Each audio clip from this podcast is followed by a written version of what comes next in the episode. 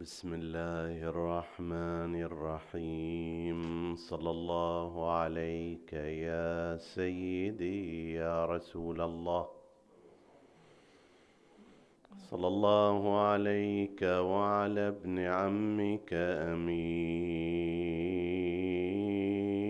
المؤمنين وإمام المتقين. صلى الله عليك وعلى أهل بيتك الطيبين الطاهرين. صلى الله عليك يا سيدي يا أبا عبد الله الحسين. ما خاب من تمسك بكم وامنا من لجأ إليكم. يا ليتنا كنا معكم فنفوز فوزا عظيما. عطروا مجالسكم بذكر محمد وآل محمد.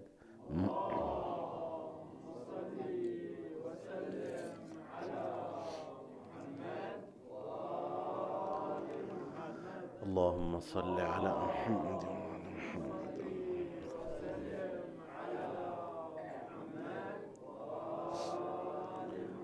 اللهم صل على محمد وآل محمد وعجل فرجهم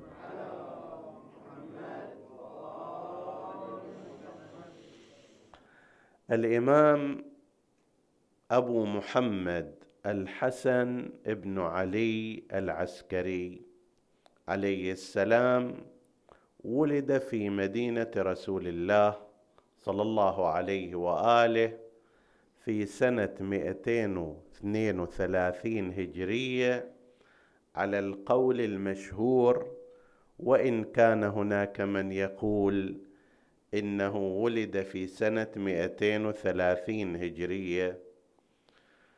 ولكن القول المشهور هو أنه ولد صلوات الله وسلامه عليه في سنة 230 هجرية واستشهد في سامراء مسموما سنة 260 هجرية يعني كل عمره الشريف كان ثمانية وعشرين سنة.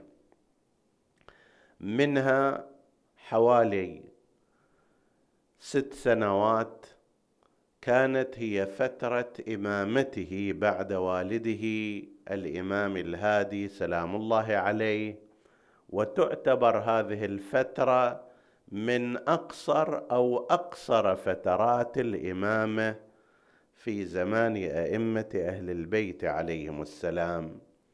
ذلك أن الأئمة المعصومين عليهم السلام كان بعضهم فترة إمامته طويلة جدا مثل الإمام الكاظم عليه السلام. اللي قريب من أربع وثلاثين سنة استمرت فترة إمامته بعد أبيه الصادق عليه السلام. وهكذا الحال بالنسبة إلى الإمام الصادق. أيضا قريب من هذه الفترة كانت إمامته وهكذا. وبعض الأئمة الآخرين كانوا في حدود العشرين سنة. فترة إمامته مثل الإمام الحسين عليه السلام سيد الشهداء. فإنه من بعد في فإنه من بعد أبيه الإمام أمير المؤمنين بقي عشرين سنة وبقي بعد الإمام الحسن المجتبى عشر سنوات. فالإمامة الفعلية عشر سنوات بعد أخيه الحسن المجتبى. لكن فترة بقائه بعد أبيه كانت عشرين سنة. وهكذا تتفاوت فترات إمامة الأئمة عليهم السلام. الإمام الهادي مثلا فترة إمامته كانت طويلة نحو قريب من ثلاثة وثلاثين سنة أو هالحدود.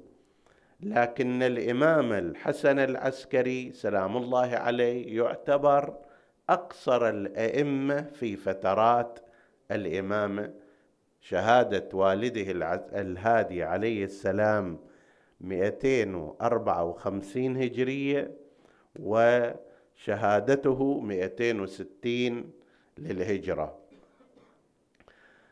والدته المكرمة يقال لها سليل ويقال لها حديث ويقال لها غير ذلك سوسن أيضا وهي أم ولد. أم ولد يعني جارية. ولم تنكح بالنكاح المعتاد المعروف بأن تكون حرة مثلا وتزوج نفسها بواسطة وليها لرجل وإنما كانت جارية تشترى وينكحها الإمام عليه السلام أو غيره إذا كانت قد اشتريت من آخرين. فهذا النكاح القائم على أساس ملك اليمين في ذلك الزمان كان له غايات متعددة. واحد من الغايات هو أنه كان أحد الطرق لتحرير الجواري بشكل سلس اجتماعيا. تعلمون في تلك الأزمنة كان أمر الرقيق وشراء الجواري والعبيد سياسة عالمية. لم يكن امرا مستنكرا ولا مستبعدا في كل العالم. بين أن يجي الإسلام فورا ويقول أنا منعت هذا الشيء وحرمته وكل العبيد والجواري هم أحرار. هذا معناه خسارة أصحاب الأموال. لنفترض فلان عنده عشرة عبيد وعشر جواري ولنفترض أن كل واحد قيمته مثلا ألف دينار. معنى ذلك أن هذا عشرة عبيد عنده يعني عشرة آلاف دينار وعشر جواري أيضا عشرة آلاف عشرون ألف دينار هذا واحد. هل يستطيع المشرع الإسلامي أن يقول لهم هذا تفضلوا هذه أموال وحرروا عبيدكم على مستوى المجتمع؟ لا يمكن. مو قضية قضية شخص وشخصين عشرات ومئات الآلاف بهذا النحو. فجاء الإسلام بطرق متعددة ومداخل مختلفة من أجل تحرير هؤلاء. منها ما أوجبه في الكفارات. أي واحد يسوي كفارة من الكفارات أول شيء يقال له أنت تستطيع أن تحرر عبدا أو جارية فافعل. واحد لنفترض أفطر أفطر عامدا في نهار شهر رمضان وهو يحصل كثير. فأول خصلة من خصال الكفارات وتقريبا هي أسهلها في مقابل مثلا صوم شهرين متتابعين عقوبة له أو أن يحرر عبدا أو جارية. لا ريب أن تحرير عبد أو جارية من عنده هو أيسر بالنسبة إليه من صوم شهرين متتابعين. واحد قتل إنسانا قتلا خطئيا غير قضية الدية اللي آه، يدفعها. إذا قتل شخص شخصا آخر من ضمن الكفارات أنه يحرر رقبة. وعلى هذا المعدل في الظهار في غير ذلك موارد كثيرة طبعا أنت لما تحسبها على مستوى الأمة الإسلامية ككل يعني تصور مثلا أن في الأمة الإسلامية الآن لو فرضنا أنه مليار وثلاثمائة مليون مثلا من المسلمين كم واحد من هؤلاء سوف يرتكب في نهار شهر رمضان عملا محرما وهو الإفطار المتعمد؟ حتى لو تقول عشرة آلاف عشرين ألف وهذا أدنى شيء. نحن نرى كثير من الأحيان في نهار في شهر رمضان نسأل أنه صار هالشكل وصار ذاك الشكل وهل هذا الذي قارب زوجته ذاك الذي خانته إرادته ذاك اللي أفطر متعمدا وهكذا. فكيف إذا على مستوى الأمة؟ عشرات الآلاف مئات الآلاف وخصوصا مع مرور السنوات. في كل سنة هذه الأعداد موجودة. فأول خصلة من الخصال هي تحرير الرقبة سواء كانت عبدا أو جارية. هذا طريق من الطرق. ما فيه مشكلة ولا في اضطرار من قبل الحاكم الإسلامي لأن يدفع في مقابل تحرير هؤلاء تلك المبالغ الطائلة وإنما الإنسان نفسه طواعية يأتي ويحرر العبد. ومن ذلك أيضا في قضية الزواج. طبعا هناك طرق مختلفة الآن ليس حديثنا في اتجاه موضوع تحرير العبيد ولكن في هذه الجزئية نتحدث. من جملة ذلك في قضية النكاح لو أن انسانا اشترى جارية وواقعها فإنها إذا أنجبت منه أحدا بنتا كان أو ابنا بمجرد أن يموت سيدها والذي أنجبت منه بمجرد موته هذه تنعتق بشكل فوري من نصيبها ونصيب أبنائها في الميراث بشرط أن تكون قد أنجبت منه ولو ابن واحد أو بنت واحدة. فإذا أنجبت منه ومات عنها فورا تنعتق.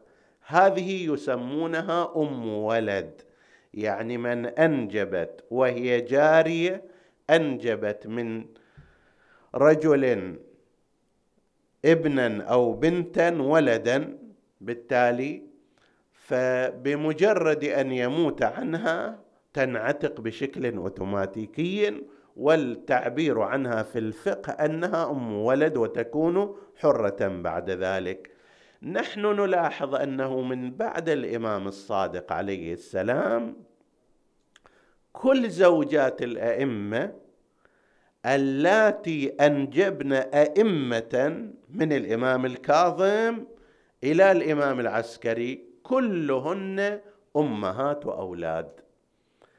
أم الإمام الرضا كانت أم ولد أم الإمام الجواد كذلك أم الإمام الهادي كذلك أم الإمام العسكري كذلك أم الإمام المهدي أيضا كذلك. ليش هذا؟ هذا لكي يتم القضاء على الحالة العنصرية والطبقية المقيتة التي بقيت عند المسلمين إلى وقت متأخر. العرب من الأصل هم عندهم شمخة خشم حسب التعبير على غيرهم من الأمم ويعتبرون أنفسهم هم الأولى والأفضل والأحسن وإلى غير ذلك. إسلام اجى قال لهم إن أكرمكم عند الله أتقاكم لا فضل لعربي على اعجمي في الحديث إلا بالتقوى. وأمثال ذلك ومع ذلك عندما عندما توفي رسول الله صلى الله عليه وآله وجاءت الخلافة من بعده عادت المسألة من جديد قدم من جديد العرب على سائر المجتمعات على العجم على الأتراك. قد يكون هذا عالم كبير ولكن لأنه أعجمي يؤخر لأنه تركي كذلك. واللي كان يطلق عليهم اسم الموالي سياسة السياسة الرسمية كانت سياسة سيئة جدا في اتجاه هؤلاء يعتبرون غير العربي أدنى مرتبة مهما كان من العربي. وهذه نظرة ما أنزل الله بها من سلطان. فجاء النظام الرسمي فيما بعد خلافة باستثناء فترة أمير المؤمنين عليه السلام وجاء بنو أمية حولوا هذا إلى قانون بحيث كان إذا واحد لنفترض من الموالي هذا في زمان الحجاج تحديدا أيام عبد الملك وأبنائه. إذا واحد اجى من غير العرب تزوج امرأة عربية يجلد ويفرق بينهما. كيف أنت تجي تتزوج؟ أنت غير عربي. كيف تتزوج امرأة عربية؟ هذه أرقى منك وأفضل منك وأحسن منك. ترتقيت مرتقا عظيما. فكان لأجل ذلك ينبغي أن يقال للناس هذول اللي هم أئمة الهدى عليهم السلام المصطفون من من الله عز وجل والمنتخبون منه هذول أمهاتهم كلها من؟ هذه الفئة اللي أنتم تعتبرونهم من الموالي ومن الجواري ومن غير العرب وبهذه الطريقة يكون الزواج قد يكون لهذا السبب أئمة الهدى عليهم السلام كانت زيجاتهم ممن ولدنا أئمة. يعني الأئمة قد يكون عنده زوجتان زوجة بملك اليمين وزوجة أخرى الزوجه العادية. هذه لا تنتخب كوعاء للمعصوم وهذه تنتخب كوعاء للمعصوم مثل ما كان الإمام الرضا مع أم الفضل مثلا ومع الإمام الجواد عليه السلام مع ابنة المأمون. هؤلاء مع أنه نساء ليسوا لسن من الجواري ولم يكن من الموالي وإنما كانوا من العرب الأقحاح لكن لم يرزقن الولد ولم يكن منهن إمام بينما كان الإمام من تلك الجارية. على أي حال. هذه امرأة يقول فيها الإمام الهادي عليه السلام أم الإمام العسكري يقول فيها سليل وهو اسمها الأصلي سليل مسلولة من الآفات والأدناس والأرجاس. يعني مصفات منتخبة ما فيها دنس ما فيها عيب ما فيها رجس. مع أن النظره العامه أنه لما تقول هذه جارية مشترات كأنما هذه مثلا امرأة نازلة الشرف أو عديمة القيمة المعنوية يقول لا هذه امرأة مسلولة من الأدناس من الأرجاس من النواقص انتخبت واصطفيت بحيث هذه الأمور لم يكن فيها فولدت هذه السيدة الجليلة الإمام الحسن العسكري عليه السلام في المدينة المنورة. بعدها بحوالي ثلاث سنوات هو في سنة 234 إذا قلنا مثلا كانت الولادة في سنة 232 يعني سنتان إذا قلنا الولادة 230 تصير أربع سنوات حوالي. أشخص الإمام الهادي عليه السلام مع أهله وعائلته إلى سامراء بطلب من المتوكل العباسي أمر أن يؤتى بالإمام الهادي من المدينة إلى سامراء على غير رغبته وعلى غير إرادته وذلك لفصله عن شيعته في المدينة وإعاقة دوره الذي كان يقوم به في مسجد رسول الله صلى الله عليه وآله فحمل معه عياله وكان من بينهم الإمام العسكري سلام الله عليه وبقي في سامراء إلى حين شهادته.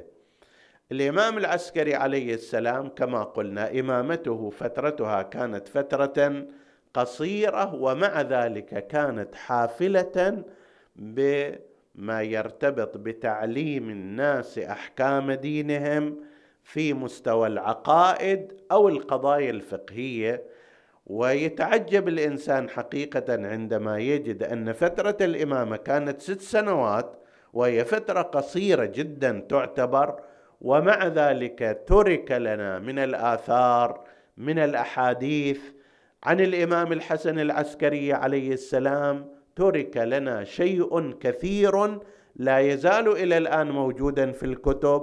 هذا فضلا عن ذلك الذي لم ينقل إلينا لأنه تدرون مو كل الأحاديث مو كل الروايات التي قالها الأئمة المعصومون عليهم السلام وصلت إلينا إنما وصل إلينا منها قسم. وهذا القسم يعتبر شيء كثير. أورد لك بعض الأمثلة. والنماذج على ذلك. منها مثلا ما ورد عن الإمام الحسن العسكري عليه السلام في صلاته على النبي محمد وآله.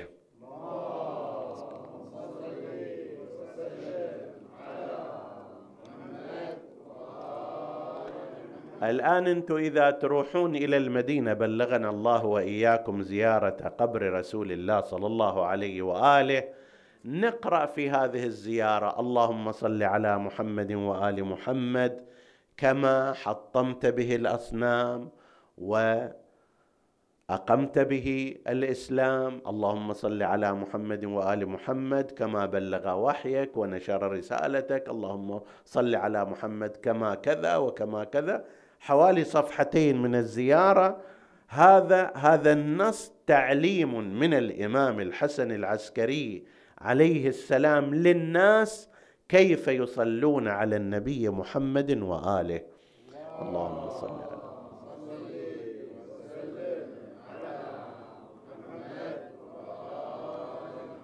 ومثله أيضا في تعليم الصلاة على أمير المؤمنين عليه السلام. إذا ذهبت إلى أمير المؤمنين وأردت أن تصلي عليه صلاة خاصة تحتوي على أهم مناقبه فقد ترك لنا الإمام العسكري عليه السلام صلاة مفصلة في هذا الجانب موجودة الآن يمكن للإنسان أن يرجع إليها. وصلاة أخرى على فاطمة الزهراء سلام الله عليها أيضا بحدود الصفحتين في كتب الأدعية.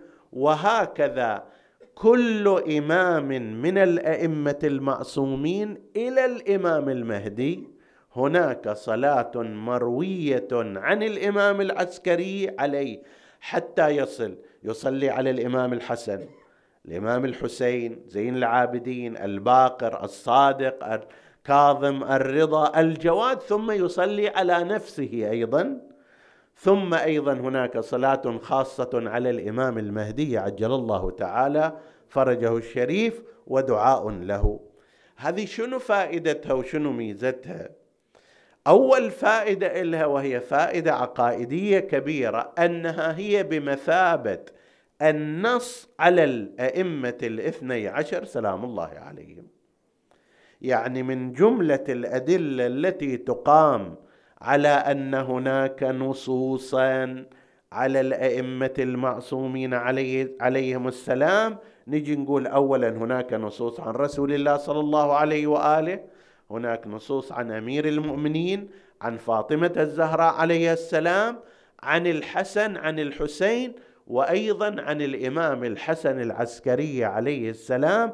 هذه الصلوات فيها في داخلها إشارات وتصريحات إلى إمامة هذا الإمام الذي يصلي عليه الحسن العسكري عليه السلام. فهذا من الأمور المهمة لأن فيها قضية عقائدية وهي إثبات النص على إمامة الأئمة الاثني عشر بل المعصومين الأربعة عشر. هذا واحد من الأمور. والأمر الآخر في كل نص فيه بيان لجانب من دور الإمام أو المعصوم الذي يصلي عليه.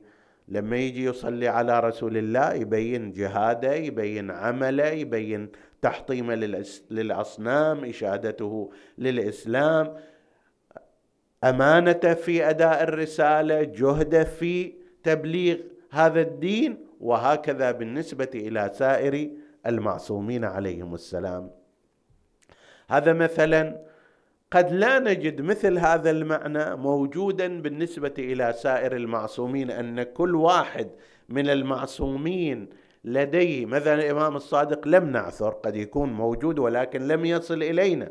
أن الإمام الصادق مثلا يأتي وينشئ نصا فيه بيان فضيلة المعصومين من الإمام من النبي صلى الله عليه وآله إلى المهدي. عجل الله تعالى فرجه الشريف. لكن هذا الشيء موجود عن الإمام الحسن العسكري. سلام الله عليه.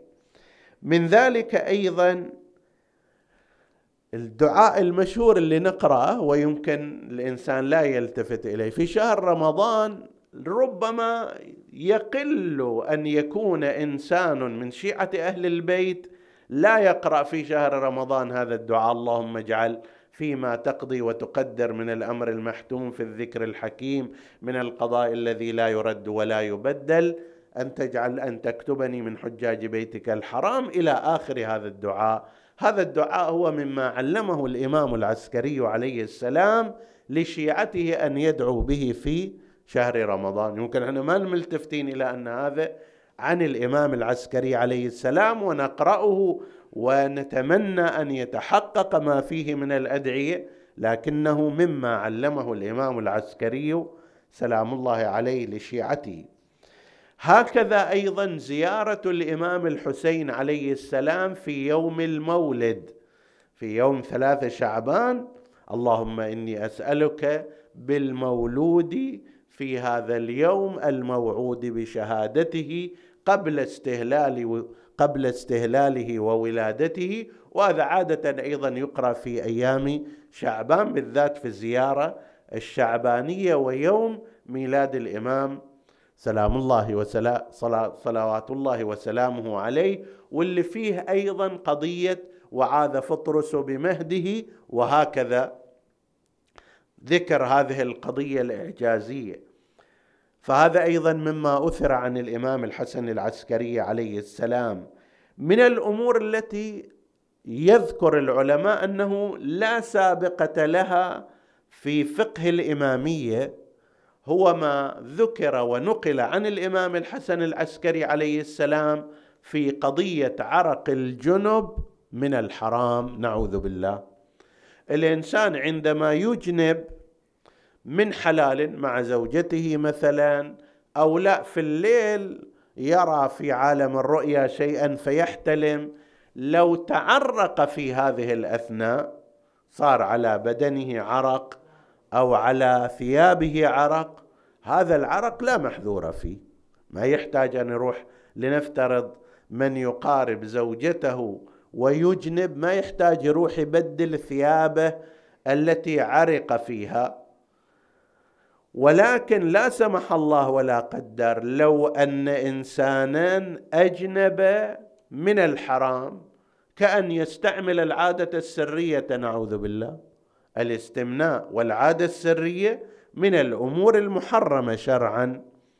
طيب لو أن مثلا شابا أو شابة استعمل هذه العادة السرية وفي هذه الأثناء تعرق بدنه وقد حار لنفترض صيف غير ذلك وجهد دا يبذل فتعرقت ثيابه ولنفترض صار على ملابسه الداخلية لنفترض الفانيله أو غير ذلك صار عرق ناتج عن الاستمناء والعادة السرية وهي محرمة.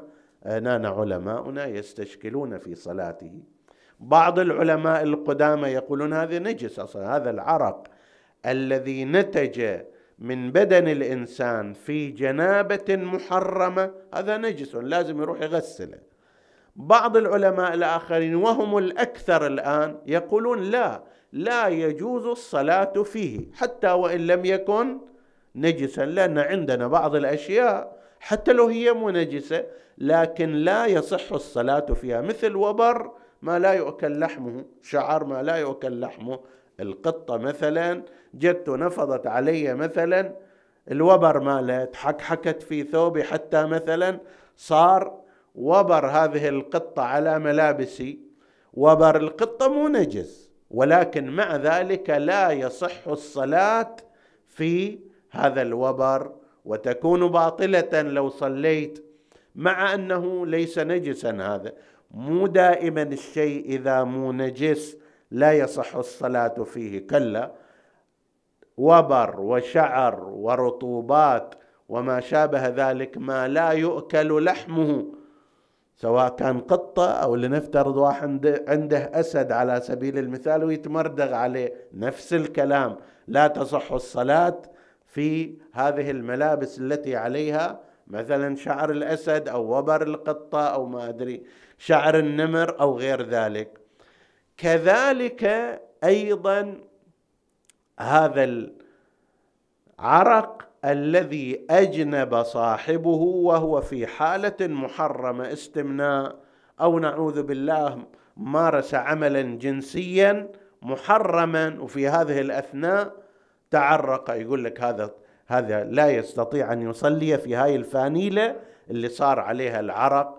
إما لأنه نجس كما يذهب علماؤنا القدامى أو لا حتى لو لم يكن نجسا لكن الصلاة لا تتم فيه ولا تصح فيه مثلما أنها لا تتم ولا تصح فيه وبر ما لا يؤكل لحمه هذا الحكم مثلا إنما كان في زمان الإمام الحسن العسكري سلام الله عليه حيث سأله أحدهم وقال له يا سيدي ما تقول في عرق الجنوب؟ فكتب إليه إن كان من حلال فنعم وان هل هو طاهر؟ فكتب إليه إن كان من حلال فنعم وإن كان من حرام فلا لا تصح الصلاة فيه في الحد الأدنى. فمثلا هذا من الأحكام التي يقول العلماء إنما تم إيضاحها وتبيينها في زمان الإمام العسكري صلوات الله وسلامه عليه.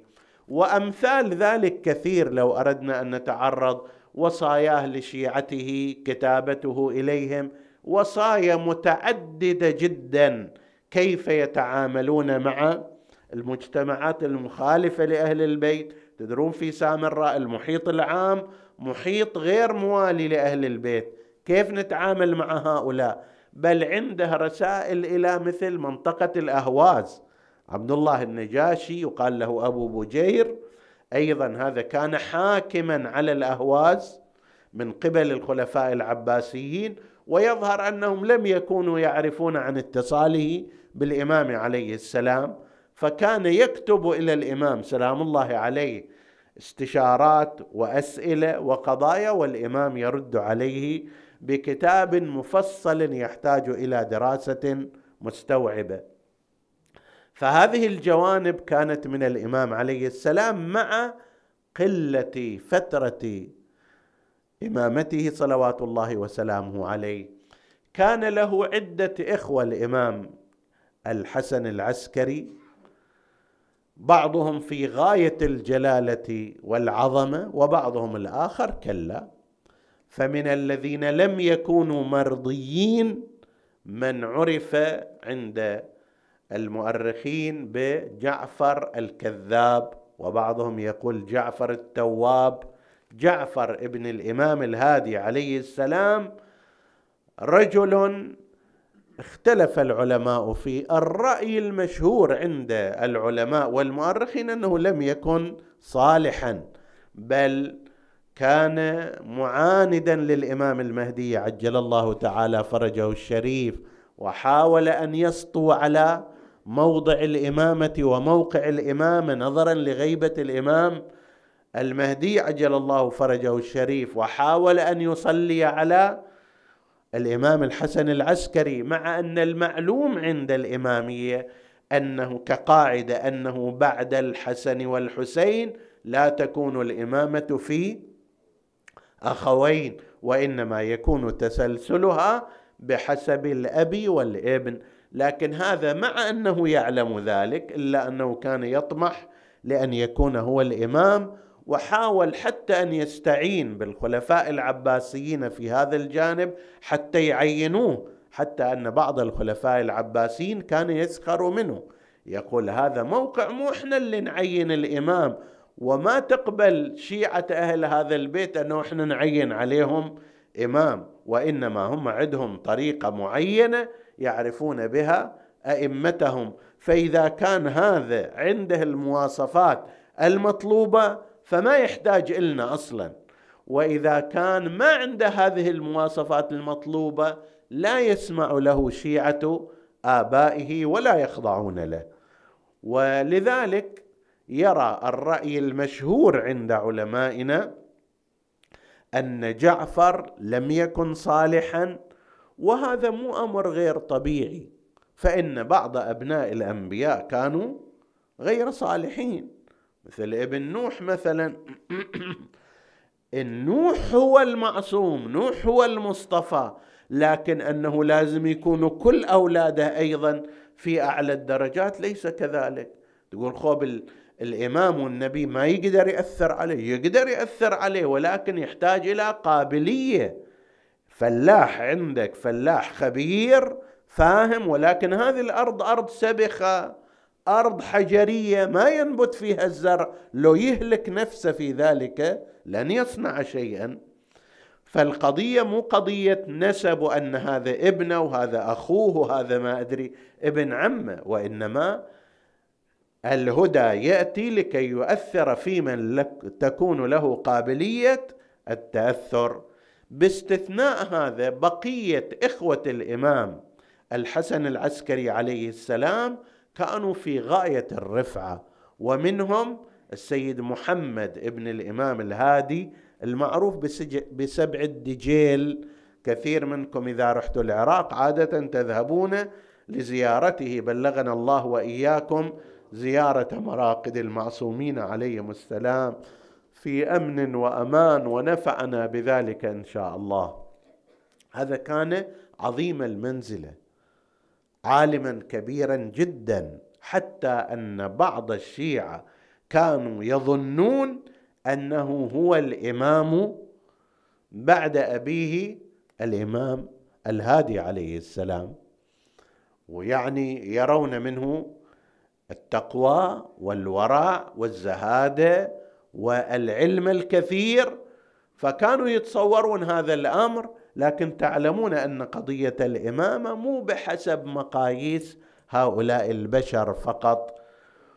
وقد توفي السيد محمد في حياة أبيه أيام حياة الإمام الهادي عليه السلام. ولذلك قيل أنه لما توفي السيد محمد سبع الدجيل قال الإمام الهادي للإمام الحسن العسكري عليه السلام أن يسجد لله شكرا فلقد أحدث فيه امرا.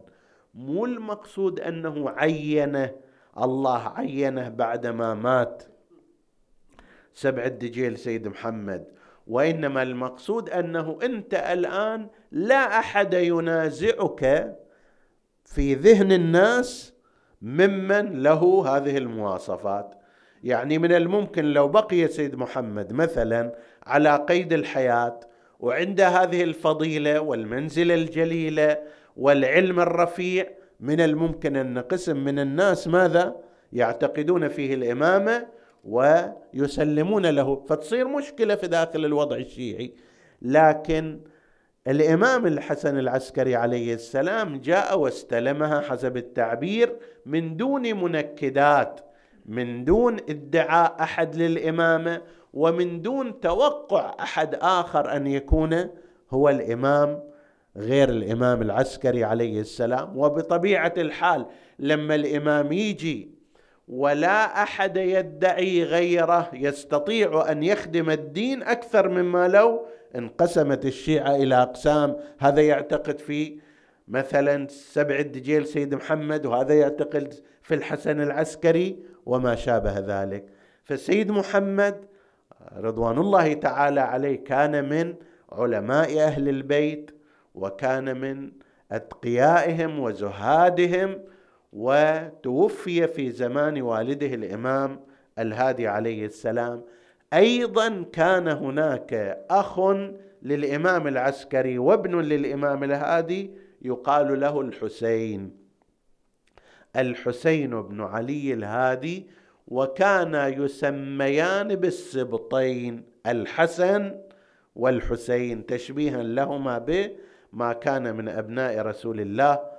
صلى الله عليه وآله بس الحسين العسكري ما كان في مثل جلالة ومرتبة سيد محمد وإنما كان دون ذلك ولهذا لم يعني لم يكن هناك احتمال أن احدا يتبعه باعتبار أنه مثلا هو الخليفة بعد أبيه وكان هو أيضا متواضعا وقابلا لإمامة الإمام الحسن العسكري لا سيما مع كثرة النصوص التي أثرت عن الإمام الهادي في حق ابنه الحسن العسكري سلام الله عليه. فمثلا كان يقول ابني محمد ابني الحسن عفوا ابني الحسن أبو محمد. وقد لقبه وهو صغير أيضا ابني أبو محمد الحسن أصح آل محمد غريزة. وأكثرهم علما وهو أكبر ولدي والحجة على الخلق من بعدي وهذه كانت توضيحات صريحة بعضها حتى فيها إشارة إلى الإمام المهدي عجل الله تعالى فرجه الشريف. مثلا كان يقول سلام الله عليه أن الخلف من بعد ابني الحسن ولكن أنى لكم بالخلف من بعده. فقالوا له ولم يا ابن رسول الله؟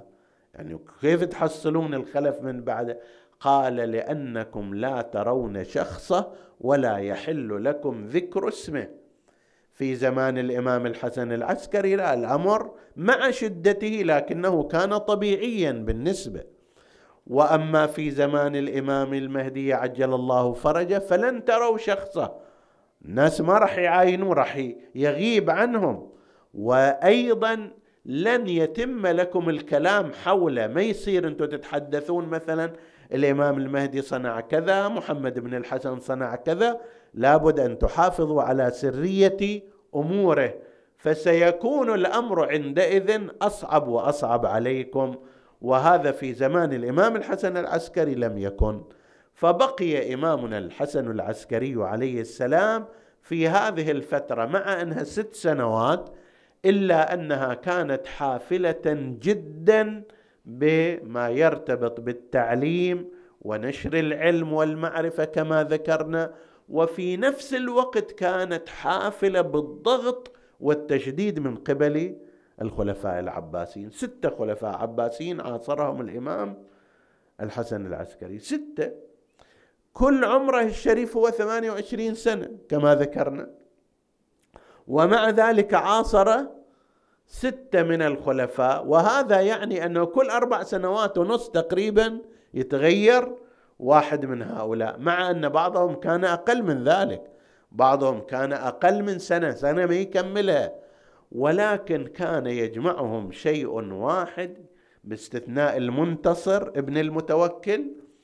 الباقي من المعتز والمعتمد والمستعين والمهتدي وهكذا كما يقول الشاعر أسماء مملكة في غير موضعها كالهر يحكي انتفاخا صولة الأسد. شلون القط عندما هالشكل ينفخ نفسه تتصور قدام أسد والحال أنه هذا يبقى على حاله كونه قطا وهرا. لكن هالشكل يبين نفسه هؤلاء أيضا مستعين ومهتدي وما أدري مستكفي ومعتمد وإلى آخره وهي لا تعبر عن الحقائق وإنما هي مزاعم. الجامع المشترك بين هؤلاء كان الإيذاء والتضييق على الإمام الحسن العسكري وشيعته. وقد نحتاج إلى ليلة كاملة للحديث عن هذه السياسات الباطلة التي كانوا يقومونها يقومون بها في مقابل الإمام.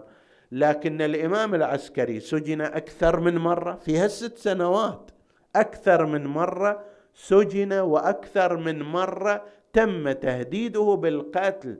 ومعه بنو هاشم أيضا من أصحابه مثل أبو هاشم الجعفري من نسل جعفر بن أبي طالب وعدد آخر من شيعته.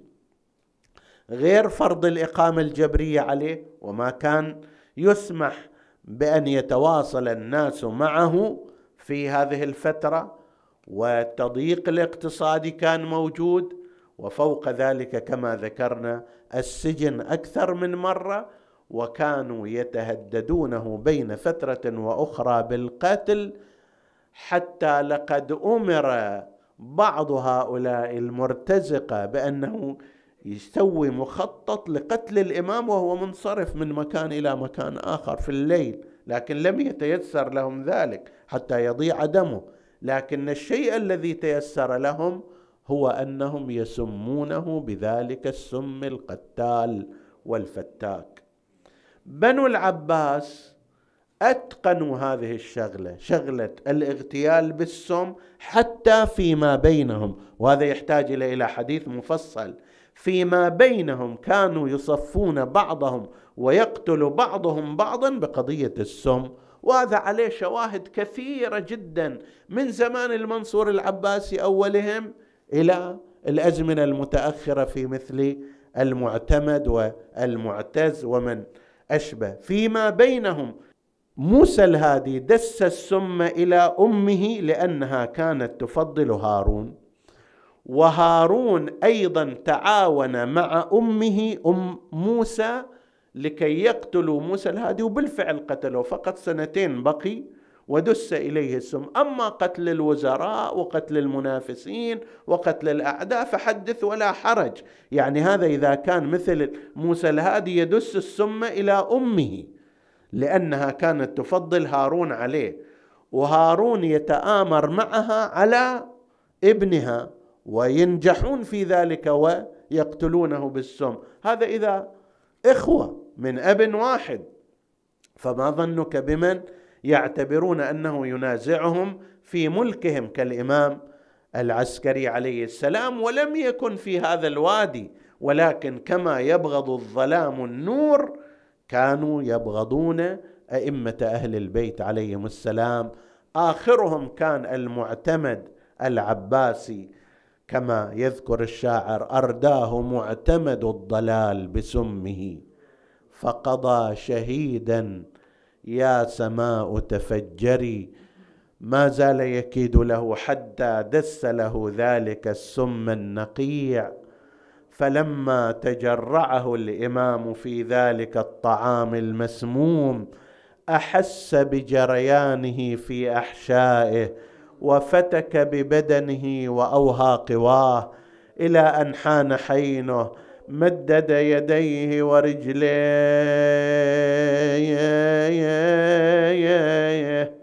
غمض عينيه قرأ ما تيسر من القرآن حضره في تلك الحالة. ولده المغيب. عجل الله تعالى لك الفرج يا سيدي. حضره عند احتضاره أدلى إليه بمواريث الإمامة وكتب العلم وعرق جبين الإمام. وسكن أنينه وفاضت روحه الطاهرة أين المنادي وإماما؟ ضج أهل البيت ينادون وسيداه وابن رسول الله. قام إمامنا المنتظر عجل الله فرجه. بتجهيز والديه باكي العين حزين القلب على غربة أبيه وعلى عدم حضور بني هاشم لتجهيزه الله يساعدك هاليوم. يا الغايب على مصابة. يوم المرد قلبه وظل بقلبك صوابا اليمتى تظل غايب وسيفك يظل بقرابه. ما تنهض لعد ثارك وتصليهم ببتارك واللي تبع واثارك عليهم ضيق الوسعة وشن عليهم الغارة يا غايب من قضى عودك انت اليوم غسلته وانت اللي عليه صليت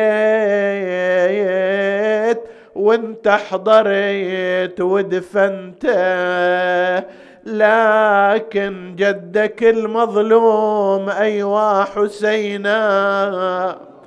لكن جدك المظلوم ظلت بالثرى جثته.